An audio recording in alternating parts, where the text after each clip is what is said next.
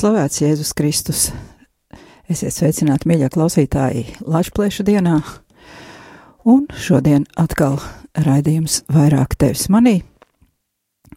Un, lai gan šodien ir Latvijas diena, jūs noteikti šodien jau esat ļoti, ļoti daudz uh, dzirdējuši un redzējuši un paši piedalījušies Latvijas dienas pasaukum, pasākumos. Tādēļ tagad vakarā parunāsim par citiem varoņiem. Ja valsts šodien pieminēja karalaika vadoņus, tad mēs varoņus šajā raidījumā runāsim par varoni, kurš savu varonību ir izdzīvojis ikdienas darbos. Protams, ka viņš tāds nav vienīgais, tas ir viens no, un noteikti mēs kādā citā raidījumā atkal runāsim par nākamo šādu ikdienas darbu varoni. Visu misiju mēnesi mēs esam runājuši par Dominikāņu ordeni un par dažādiem veidiem, kā tiek realizēta ordeņa galvenā misija sludināšana. Esam pavisam nedaudz iepazinuši arī četrus pīlārus, uz kuriem balstās ordeņa garīgums. Tas ir lūkšana, studijas, sludināšana un kopienas dzīve, un esam sapratuši arī, ka senais garīgās dzīves vingrinājums lekcio divina, jeb dievišķā lasīšana, ir viens no lūkšanas veidiem, ko paša dibinātajam ordenim ir mantojumā atstājis svētais Dominiks. Tāpat arī noskaidrojām, ka lekcija divina skatoties caur dominikāņu garīgumu prizmu, attiecas kā uz studijām, tā arī uz lūkšanu, jo dominikāņu studijas nozīmē dieva vārda dziļāku iepazīšanu, kura realizējas šajā gadījumā caur lūkšanu un paša dieva dāvātu kontemplāciju, jeb dieva uzlūkošanu. Ja iepriekšējie raidījumi bija saistīti ar mūsdienu pieredzi, tad šodien mazliet ielūkosimies vēsturē. Vairāk kārt raidījumos es esmu pieminējusi, ka sprediķotāja ordenis savos 800 pastāvēšanas gados ir devis baznīcai 400 svēto, svētīgo un mocekļu. Ja rēķinām, ka vienā sezonā izskan ap 30 raidījumu vairāk tevis manī, tad, ja es katrā raidījumā runātu par vienu Dominikāņu svēto, man pietiktu tēmu 13 sezonām. Ja es gribētu iepazīstināt ar visiem svētajiem un neko citu vairs nestāstīt.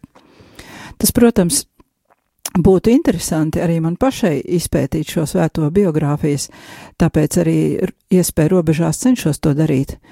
Tomēr ir tā, ka par daudziem svētajiem ir ļoti daudz materiālu un viņu pašus atstātos atcerējumu, bet par citiem ir ļoti ierobežots materiāla daudzums. Tie ir pazuduši, nav saglabājušies līdz mūsu dienām. Un, lai iegūtu kādu vērā ņemamu informāciju, būtu perfekti jāpārvalda latīņu un citas senās valodas, būtu jādodas uz Vatikānu, uz Romu un jārokas bibliotekā un arhīvos, kur glabājas dokumenti par kanonizācijas procesiem. Un es pieņemu, ka attiecībā uz daudziem svētajiem tie arī ir vienīgie materiāli, kuri saglabājušies līdz mūsdienām. Bet tā kā man nav tādu iespēju, es izmantoju pētījumus, kur pieejami grāmatās un dažādos internetu resursos, pārsvarā angļu valodā, un arī lasu un pētu dominikāņu autoru darbus, kuri tulkoti uz angļu vai krievu valodu. Novembrī Dominikāņu svēto kalendārā ir ierakstītas 28 svēto piemiņas dienas. Ja novembrī mums ir 30 dienas, tātad gandrīz katru dienu ir viens Dominikāņu svētais. Vakar mēs pēc latviešu kalendāra svinējām vārdu dienu Mārtiņiem. Šodien baznīca piemin svēto Mārtiņu no Tūras, bet 3. novembrī un dažās valstīs arī 5. novembrī Dominikāņi svinēja arī vienu svēto Mārtiņu. Svēto Mārtiņu Depores. Un šovakar pēc lūkšanas tad arī par šo Mārtiņu.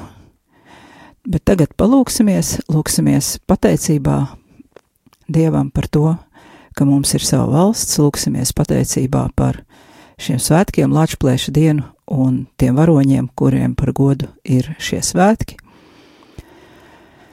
Lūksimies par visiem tiem, kas ir devuši savu dzīvību un dzīvi, par to, lai mums būtu brīva Latvija, lai mums būtu sava valsts, kurā mēs varam runāt savā dzimtajā valodā, savā dzimtajā valodā iet skolās, mācīties, dzimtajā valodā kārtot dokumentus iestādēs un dzimtajā valodā droši sarunāties savā starpā un droši kopt šo valodu. Tāda laime nav katrai tautai, un mums to vajadzētu ļoti, ļoti novērtēt. Tagad lūksimies Dieva tēva un dēla un svētā gara vārdā Āmen. Tēvs mūsu, kas esi debesīs, svētīts lai top tavs vārds, lai atnāk tava valstība, tavs prāts, lai notiek kā debesīs, tā arī virs zemes. Mūsu dienascho maizi dod mums šodien, un piedod mums mūsu parādus, kā arī mēs piedodam saviem parādniekiem, un neieved mūsu kārdināšanā, bet atpestī mūs no ļaunā Āmen.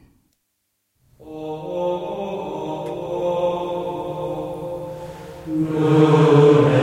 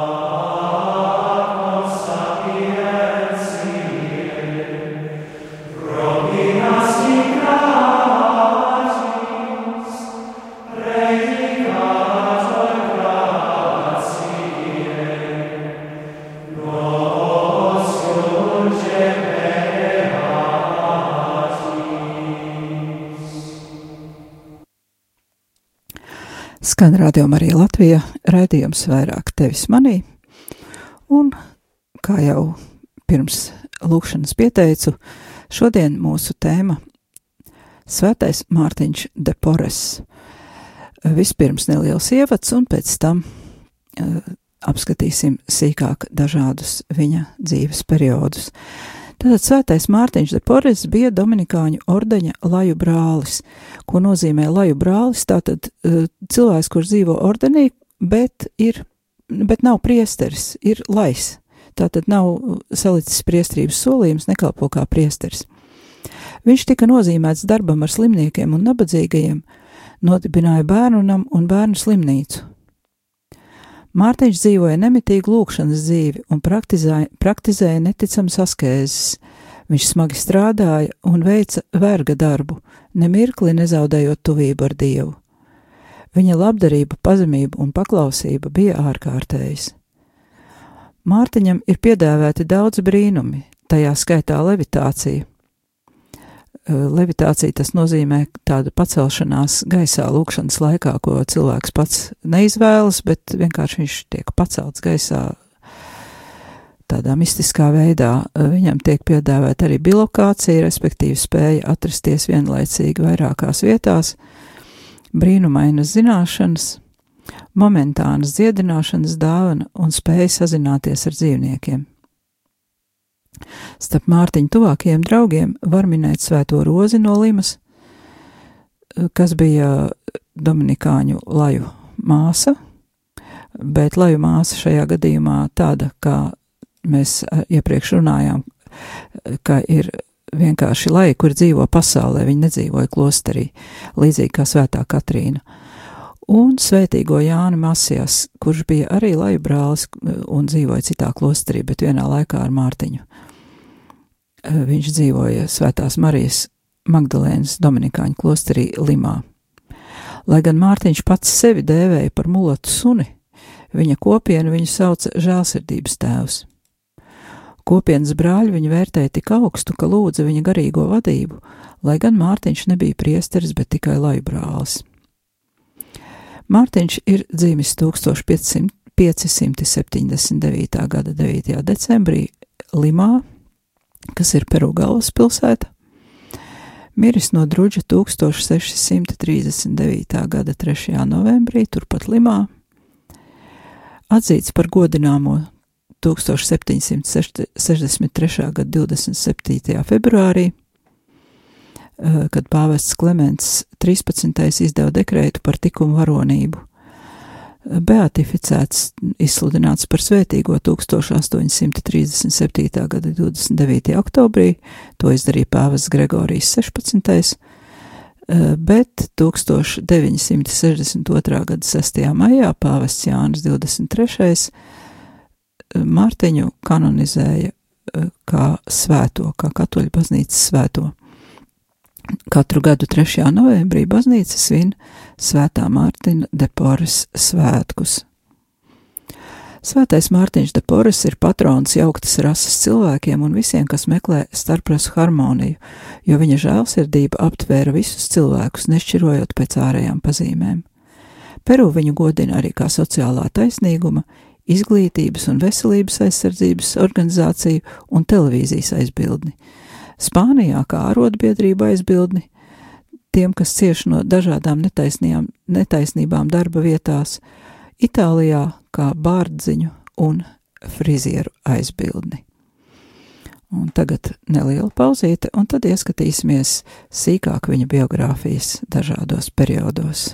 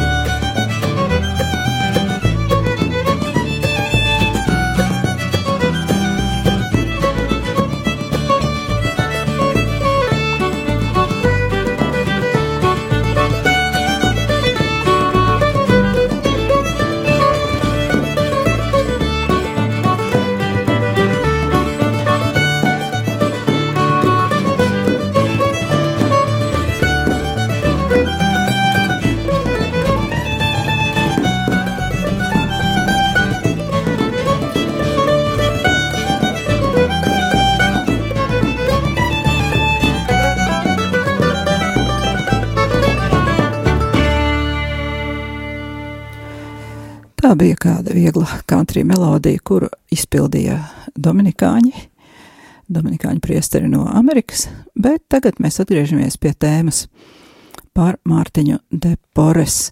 Atgādinu klausītāji, kā skan rādījuma arī Latvija raidījums vairāk tevis manī, un tātad šodien runājam par svēto Mārtinu de Pores.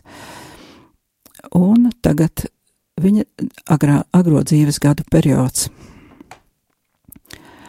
Tātad kristīts viņš bija Juans, Juans Martins de Pores, un viņa dzīve sākās ar ļoti mazām izredzēm gūt panākumus dzīvē. Viņš piedzima Limā 1579. gadā, Peru.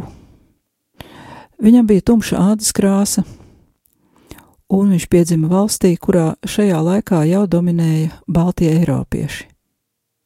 Viņš bija Spānijas augstmaņa un karavīra Juana de Porres no Alkantaras un brīvlaistas Panamas verdzenes Annas Velaskēzes dēls. Pēc diviem gadiem piedzima arī Mārtiņa māsa Juana. Tēvs bija vīlies, ka bērni bija mantojuši savas mātes tumšo ādas krāsu un nevis viņas pānisko melnīgsnejo iedegumu, un tāpēc, lai gan atzina savu paternitāti, tomēr pameta bērnus, atstājot tos mātes aprūpē. Ģimene dzīvoja ļoti lielā nabadzībā, jo viņu vienīgi ienākumi bija nelielas summas, ko bērnu māte nopelnīja par veļas mazgāšanu. Kad Mārtiņš kļuva astoņus gadus vecs, tēvs atgriezās ģimenē un nolēma apzinīgi pildīt tēva pienākumus. Vēlāk viņš pat salauzās ar savu bērnu māti, taču turpināja dzīvot Ekvadorā, kur ieņēma dažādus valsts amatus, tomēr palīdzēja ģimenei materiālajā ziņā. Viņš nodrošināja abiem bērniem divu gadu mācības kādā pamatskolā Ekvadorā, taču ieņemamo amatu dēļ viņam nebija laika nodarboties ar bērnu audzināšanu, un pēc četriem gadiem bērni atgriezās pie mātes slimā. Tēva materiālā palīdzība turpmāk nodrošināja ģimenei iztiku un bērniem izglītības turpināšanu. 12 gadu vecumā Mārtiņš izlēma mācīties amatu pie vietējā bārdzeņa Marcela de Riviero, kurš tajā laikā veic arī ārsta funkcijas. Medicīna šajā laikā aprobežojās ar dažām vienkāršām manipulācijām. Galvenās ārstniecības metodas bija augoņu izgriešana un asins nolaišana, ko parasti veica bārdzeņi ar saviem asajiem instrumentiem. Mārtiņš savas inteliģences un neparasto dāvanu dēļ ātri apguva amatu, un daudzi slimnieki izteica vēlēšanos ārstēties pie Mārtiņa un nevis pie viņa skolotāja. 14, 15 gadu vecumā Mārtiņa mācību laiks beidzās, un viņam bija jāsāk strādāt iegūtajā amatā. Mārtiņš ar savām prasmēm varēja pilnībā sev un savai mātei nodrošināt pārtikušu un godājumu dzīvi taču viņš netiecās pēc bagātības un komforta. Ticis pie līdzekļiem, viņš vēl vairāk centās palīdzēt saviem mīļajiem nabagiem. Viņa māte neiebilda pret dēla izvēli un turpināja pieticībā dzīvot no nelielajiem līdzekļiem, kurus viņai sūtīja vīrs. Un jāsaka, ka Mārtiņš šajā laikā kā arī jau iepriekš viņš ļoti mīlēja nabagus, jo viņš pats bija izcietis nabadzību un viņš bija ar ļoti, ļoti žēlsirdīgu sirdi. Un tādēļ viņš nabagus ārstēja par brīvu, un to naudu, ko viņš nopelnīja ārstējot bagātākus cilvēkus, viņš arī izlietoja tam, lai pabarotu nabagus, lai viņiem kaut ko nopirkt, kas viņiem trūkst. Par Mārtiņa pirmo darba vietu tādu oficiālo darba vietu kļuva Dominikāņu ordeņa svētā rožkroņa konvents Limā. 15 gadu vecumā viņš tika pieņemts par kalpotāju, jeb sulaini. Mārtiņš veica klosterī visnetīrākos faktiski verga darbus. Taču viņš nešķiroja darbus, bet centās visu izdarīt pēc iespējas labāk, kā pateicību Kristum par viņa ciešanām un cilvēku pestīšanu. Pēc kāda laika redzot Mārtiņa centību un paklausību, brāļi uzticēja viņam žēlastības dāvanu dalīšanu nabagiem. 24 gadu vecumā Mārtiņš saņēma Dominikāņu terciāru habitu, lai gan brāļiem bija grūti pārkāpt rasu aizspriedumiem. Jā, kā jau minēju, Mārtiņam ādas krāsa bija tumsnēja, jo viņa mamma bija uh, nu, ir dažādas versijas, īsti nav saglabājušies materiāli, vai nu viņa bija melnā, vai nu viņa bija melnādainā verdzene, bet ar indiāņu, ar vietu indiāņu asinīm. Nu, jebkurā gadījumā Martiņam bija mantota no mātes šī tumšā ādas krāsa, un tajā laikā uh, Limā un vispār jau tajās zemēs, ko bija iekarojuši Baltie cilvēki Amerikā, valdīja ārkārtīgi spēcīgs rasisms, un uh, cilvēki ar tumšāku ādas krāsu gandrīz vai ka netika uzskatīti vispār par īstiem cilvēkiem.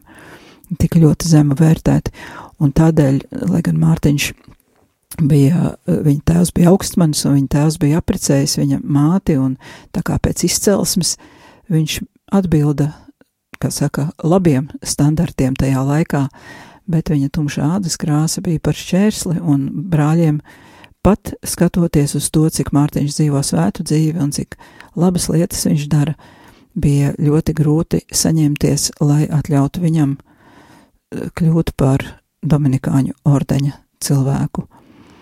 Un tātad, eh, kā mēs jau dzirdējām, viņš saņēma terciāra habitu, respektīvi trešā ordeņa jeb laju kopienas it kā habitu, bet viņš tomēr dzīvoja klosterī, viņš nedzīvoja laju kopienā pasaulē.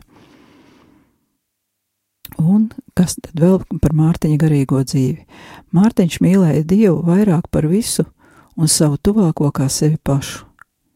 Patiesībā viņš tuvā, tuvākos mīlēja pat vairāk par sevi. Īpaši viņš rūpējās par tiem, kurus sabiedrība uzskatīja par pašiem zemākajiem, par melnajiem vergiem, par mulatiem un ielas bērniem. Stāsti par Mārtiņa ķirurgu un ārsta prasmēm ātri izplatījās tuvākā un tālākā apkārtnē. Vairāk ar savām lūkšanām nekā caur medicīnas zināšanām viņš izārstēja cilvēkus no biedējošām slimībām. Izglāba no tuvas nāves priesteri, kuru, kāja bija, kuru kājā bija smaga infekcija. Izārstēja kāda jauna studenta sakropļotos pirkstus, kurš bija bažījies, ka negadījums ir izpostījis viņa sapni par priesterību. Viņš padarīja atkal veselus tik daudzus slimību nomocītus cilvēkus, ka būtu grūti tos saskaitīt, ja kāds to mēģinātu darīt. Šie panākumi uzrunāja klosteru brāļus, un viņi lēnām sāka atkāpties no saviem rasistiskajiem aizspriedumiem, kuri neļāva krāsainos uzņemt ordenī kā līdzvērtīgus. 34 gadu vecumā Mārtiņu pieņēma ordenī kā brāli koadjutoru, respektīvi kā brāli, kurš ir izpalīgs darbos, jau kā pilnvērtīgs klosterbrālis, nevairs terciārs, bet arī, nu, var teikt, tāds apkalpošais personāls, bet brālis, jo, jo bija arī brāļi priesteri, tātad Mārtiņš nebija priesteris. Ņemot vērā viņa izcilos panākumus slimnieku aprūpē, Mārtiņu nozīmēja par slimnieku un veco brāļu aprūpētāju, jeb kā ordenī sauc infirmāris. Šos pienākumus Mārtiņš veica līdz pat savai nāvei 59 gadu vecumā. Pats Mārtiņš bija ļoti laimīgs par uzņemšanu ordenī, taču savā pazemībā uzskatīja to par pārāk lielu godu. Reiz, kad viņš vācot žēlastības dāvanas, tirgū satika klosteru prioru, kurš bija atnesis pārdot vairākas dārgas lietas, kuras piederēja klosterim, lai atdotu parādus. Mārtiņš izsaucās: Pārdod mani, es esmu tikai nabaga mulats, bet man ir daudz spēku un es varētu būt labs vergs. Priors noraidīja viņu piedāvājumu, sakot: Ejiet uz klosteri, brāli, jūs neesat paredzēts pārdošanai. Mārtiņš turpināja rūpēties par slimajiem arī ārpus klostera kopienas. Bieži vien izvesaļošanās iestājās no vienas Mārtiņa pasniegtās ūdens glāzes. Reiz viņš atnesa uz klosteri pilnīgi kailu un netīru slimu vecu ubagu. Tā kā nebija citas vietas, kur viņu nolikt, Mārtiņš viņu apguldīja savā gultā. Kāds brālis viņam aizrādīja, un uz to Mārtiņš atbildēja: Līdzcietība, mans dārgais brāli, ir svarīgāka par tīrību. Mārtiņa māsa Juana, kura dzīvoja laukos, arī palīdzēja Mārtiņam viņa darbos un uzņēma pie sevis gan slimos cilvēkus, kuriem nepietika vietas klosteru telpās, gan arī slimus dzīvniekus. Kādā citā reizē Mārtiņš atrada uz ielas indiāni, kurš nosaņoja no durtas brūces. Tā kā viņu nevarēja transportēt pie Honas tādā stāvoklī, Mārtiņš viņu ienes klosterī. Priors to uzzinājis pārmet Mārtiņam nepaklausību. Piedodiet man manu kļūdu, es nezināju, ka paklausība priekšrakstiem ir svarīgāka par žēlsirdību, atbildēja Mārtiņš un kopš šīs reizes priekšnieks deva Mārtiņam pilnīgu brīvību rīkoties pēc saviem ieskatiem. Mārtiņam labi izdevās arī ievākt ziedojumus, gan klosteru, gan slimnieku un nabaga vajadzībām, kuras klosteris nebija spējīgs finansēt. Ikdienas no šīs naudas tika pabaroti ap 160 rūkumcietēju, un ievērojamas summas tika izdalītas nabagiem. Mārtiņš arī nodibināja Limā patversmi bāriņiem un pamestiem bērniem, bērnu slimnīcu un patversmi klaņojošiem suņiem un kaķiem. Un jāpiebilst arī, ka Mārtiņu diezgan slikti saprata par viņa attieksmi pret dzīvniekiem tajos laikos, jo dzīvnieki tas bija kaut kas tāds nu, ļoti zems cilvēku acīs. Un uh, dzīvnieku nāve nenozīmēja pilnīgi neko šajos laikos, un tādēļ Mārtiņu nesaprata, ap, citi apbrīnoja, citi uzskatīja par jocīgu, bet viņš tātad rūpējās nevien par cilvēkiem, bet par visu dzīvo radību. Tagad atkal neliela muzikālā pauzīte, un tad turpināsim. To Canaan's land I'm on my way where the soul never dies. My darkest night will turn to day where the soul never dies. Dear friends, there'll be no sad farewells, there'll be no tear dimmed eyes where all is joy and peace and love, and the soul never dies.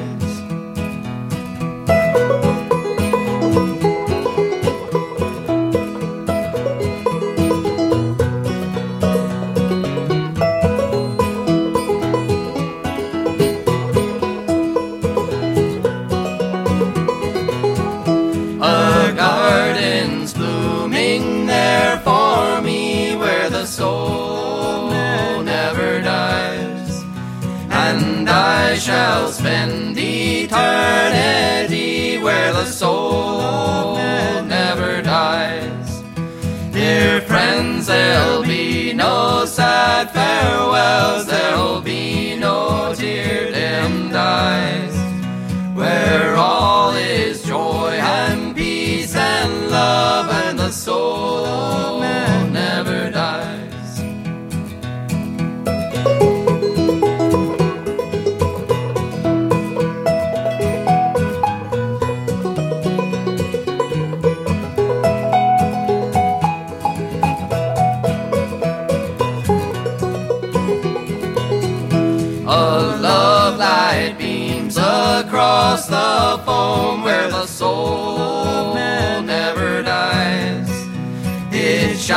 to light the fires of home where the soul never dies. Dear friends, there'll be no sad farewells, there'll be no tear dimmed eyes where all is joy and peace and love, and the soul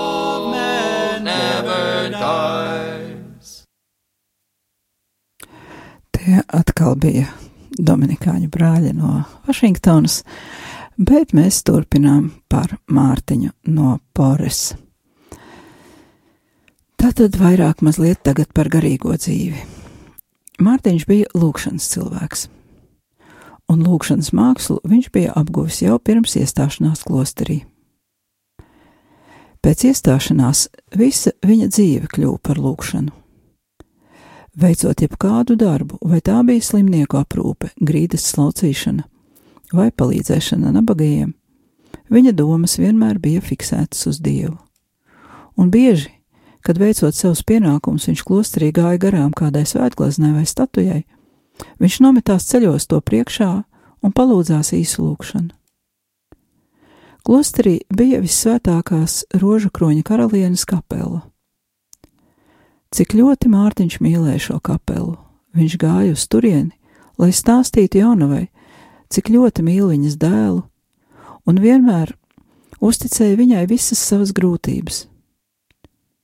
Tur katru nakti viņš lūdzās Mariju: Uzlūko mani un neļauj man krist grēkā. Kā zīme savai mīlestībai uz Mariju, katru rītu pirms saulēkta viņš kāpa zvanu tornī un zvanīja angelu zvanu. Un pat tad, kad viņš kļuva vecāks un sāka zaudēt spēkus, viņš nekad neatteicās no šā pienākuma. Marija mācīja Mārtiņam daudz gudrību, un kādu nakti, kad viņš bija palicis lūgties viņas priekšā, vēlāk nekā ierasts, lai pasargātu viņu no klupšanas tumsā, jo viņam bija jāskrien, lai paspētu uz koru lūkšanām. Marija nosūtīja divus eņģeļus sniegbaltās drēbēs ar aizdegtām svecēm, lai pamadī, pavadītu Mārtiņu līdz korim. Ar tādu pašu spēku Mārtiņa sirdi diamātas kapelai piesaistīja vissvētākais sakraments, kas atradās kapelā. Dažreiz Mārtiņš nelūdzās pašā kapelā, bet kādā stūrītī zem baznīcas jumta, kur viņu neviens neredzēja, bet viņš varēja netraucēt uzlūkot tabernākulu. Kādu dienu viņš tur tika atrasts nometies ceļos, bet pacelts virs grīdas un lidojot gaisā. Un katru reizi, kad svētais brālis gāja garām apgaismotiem rožu kroņa kapelas logam, viņš nometās ceļos, lai pielūgtu vissvētāko sakramentu. Mārtiņš ļoti mīlēja svēto misiju. Kristus miesas un asiņu svētkus, mēneša trešo svētdienu un ceturtdienas. Tās bija dienas, kuras veltītas evaharistijai un tika izstādīts vissvētākais sakraments. Mūsu svētais varēja stundām ilgi atrasties monstrances priekšā nekustīgs kā statuja. Tajā laikā laju brāļi drīkstēja pieņemt komuniju tikai svētdienās un lielajos Jēzus un Marijas svētkos. Redzot Mārtiņa lielo mīlestību uz evaharistiju, ar priora atļauju viņam tika pielikts klāt vēl arī ceturtdienas. Mārtiņš ievēroja arī ļoti stingru gavēni visu gadu, lai gan klostera noteikumi to neprasīja, un veica citus diezgan nežēlīgus askēzes vingrinājumus. Sekojot ordeņa dibinātāja svētā Dominika, piemēram, nakts viņam kļuva par visintensīvāko lūkšanu laiku.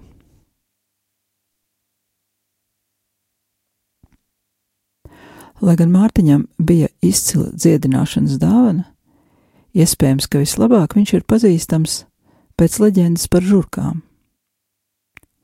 Tā stāsta, ka klostera priekšnieks lika Mārtiņam izlikt žurku indi, jo žurkas bija apsēdušas klosteri un bojāja kopienai piedarošās mantas. Mārtiņš paklausībā darīja, kā priors bija teicis, bet viņam bija ļoti žēl žurku. Viņš izgāja dārzā un klusi aicināja žurkas nākt ārā. Viņš norāja žurkas par viņu sliktiem ieradumiem, stāstot viņām par indi. Viņš arī apsolīja, ka viņš varētu pabarot tās katru dienu dārzā, ja viņas vairs nekaitinās prioru. Pēc šīs vienošanās viņš žurkas atlaida un, kā stāsta pēc tam, Svētā rožu kroņa konventā vairs nekad nav bijušas problēmas ar žurkām. Mārtiņa mīlestību uz dzīvniekiem var salīdzināt ar Asīzes Franciska mīlestību. Tā laika spāņu izcelsmes cilvēkiem šīs rūpes par dzīvniekiem bija pilnīgi neizprotams. Papildus dziedināšanas dāvanai viņš bija apveltīts arī ar bilokācijas dāvanu. Cilvēki, kas viņu labi pazina, bija viņu redzējuši Meksikā, Centrāla Amerikā un pat Japānā, lai gan kopš iestāšanās ordenī viņš nekad nebija atstājis limu. Viņš spēja iziet caur aizslēgtām durvīm veidā, kas bija zināms tikai viņam pašam un dievam. Viņš parādījās pie slimnieku gultas bez aicinājuma un vienmēr spēja sniegt atvieglojumu un mierinājumu, pat tad, ja viņus neizārstēja pilnīgi. Pat slimie dzīvnieki nāca pie viņa lūgt dziedināšanu. Kādreiz Mārtiņš bija devies uz pikniku kopā ar novičiem un aizsēdējies ilgāk nekā bija paredzēts. Viņa pēkšņi saprata, ka pat pieliekot vislielākās pūles, viņa nevar būt mājās uz kopīgo lūkšanas laiku. Mārtiņš lika visiem sadoties rokās, un pirms viņa saprata, kas noticis, viņa jau stāvēja klostera pagalmā, nespējot paskaidrot, kā viņi bija pārvarējuši vairākas jūdzes dažu sekundžu laikā. Šo un daudzu citu pārsteidzošu brīnumu rezultātā Mārtiņš tika saukts par svēto jau savas dzīves laikā.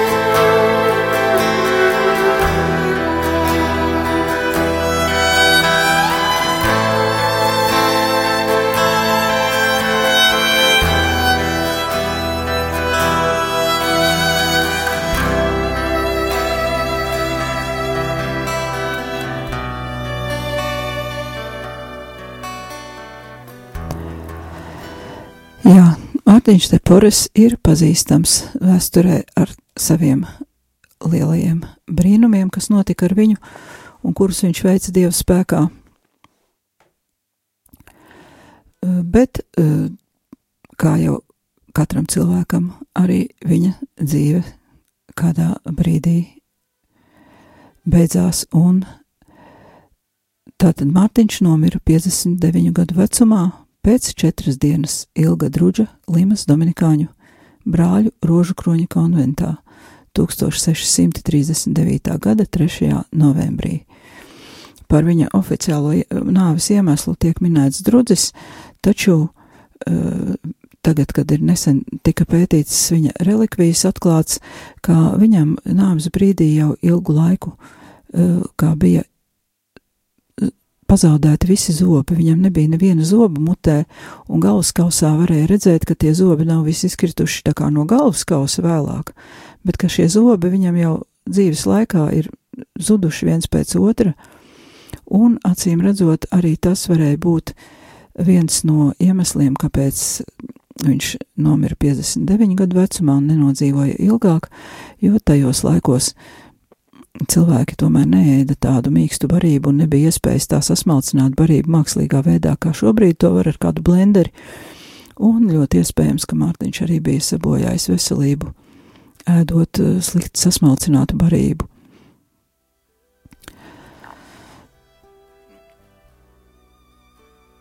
Un eh, pēc viņa nāves, protams, ja dzīves laikā viņš jau tika atzīts par svētu, tad vēl jau vairāk pēc viņa nāves par viņu interesējās cilvēki, kur viņu pazina dzīves laikā, un arī tādi, kuri nebija viņu pazinuši. Piemēram, Spānijas vicekaralis Grāfs Šinšāns ieradās pie viņa nāves gultas, lai nometies ceļos lūgtu viņa svētību.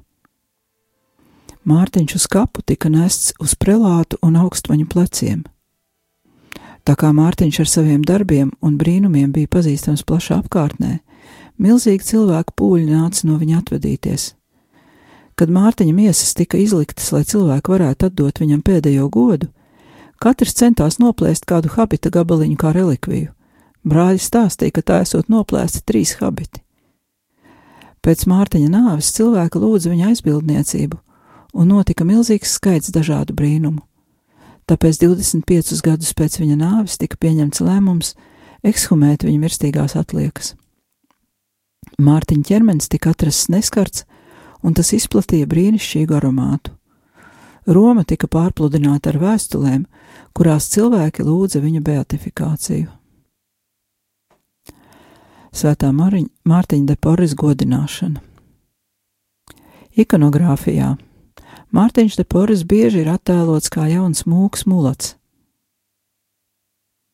un arī gleznās viņš ir attēlots kā ģērbies, kā laju brālis un nevis kā priesteris, par ko liecina melnba, melnais skapulārs un kapuce, kurus viņš nesā, bet Dominikāņa ordeņa priesteri valkāja visu baltu.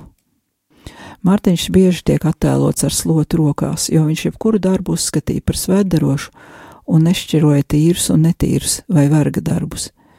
Viņš dažreiz redzams ar suni, kaķi un žurku, kuri draudzīgi ēd no viena trauka.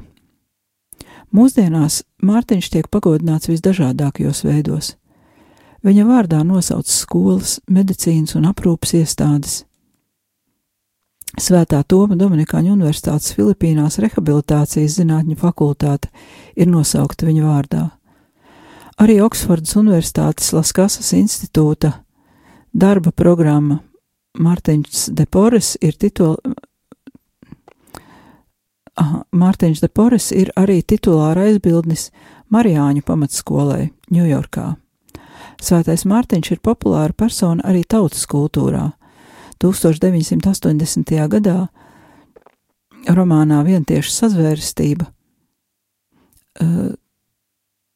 tā varonis, viens no varoņiem aicina lūgt poras aizbildniecību, lai panāktu sociālo taisnīgumu attiecībā uz melnādainiem darba ņēmējiem Ņorlānas rūpnīcā, kurā viņš strādā. Mūzikā džeza pianista Merija Lau Viljams albumā Black Christ of the Andes, jeb uh, Andu kalnu melnais Kristus, uh, arī kāds skaņdarbs saucas Svētais Mārtiņš de Pores. Par viņa dzīvi ir uzņemti vairāki spāņu un meksikāņu darbi kino un televīzijā. Viens no tiem ar Kubas zvaigzni aktieri Renē Munjozu galvenajā lomā. Pamatā šie darbi visvairāk izceļ Mārtiņa mulata izcelsmi, viņa brīnumus un viņa pazemību. Un pazīstamākais no šādiem kino darbiem ir filmas Frai Eskoba jeb brālis Slota, kas uzņemta 1963. gadā, un uh, filma un mulato Lamando Martin, mulats vārdā Mārtiņš, kas uzņemta 1975. gadā. Tas tad arī šovakar būtu viss par Svēto Mārtiņu, un ar to tad arī beigsim šo raidījumu. Ceru, ka katrs no mums varēs kaut ko atkal savai dzīvei, savai garīgajai dzīvei paņemt arī no svētā Mārtiņa dzīves pieredzes. Paldies, ka klausījāties! Izskan rādījums vairāk tevis manī, un ar jums biju es, Sandra Prēsa.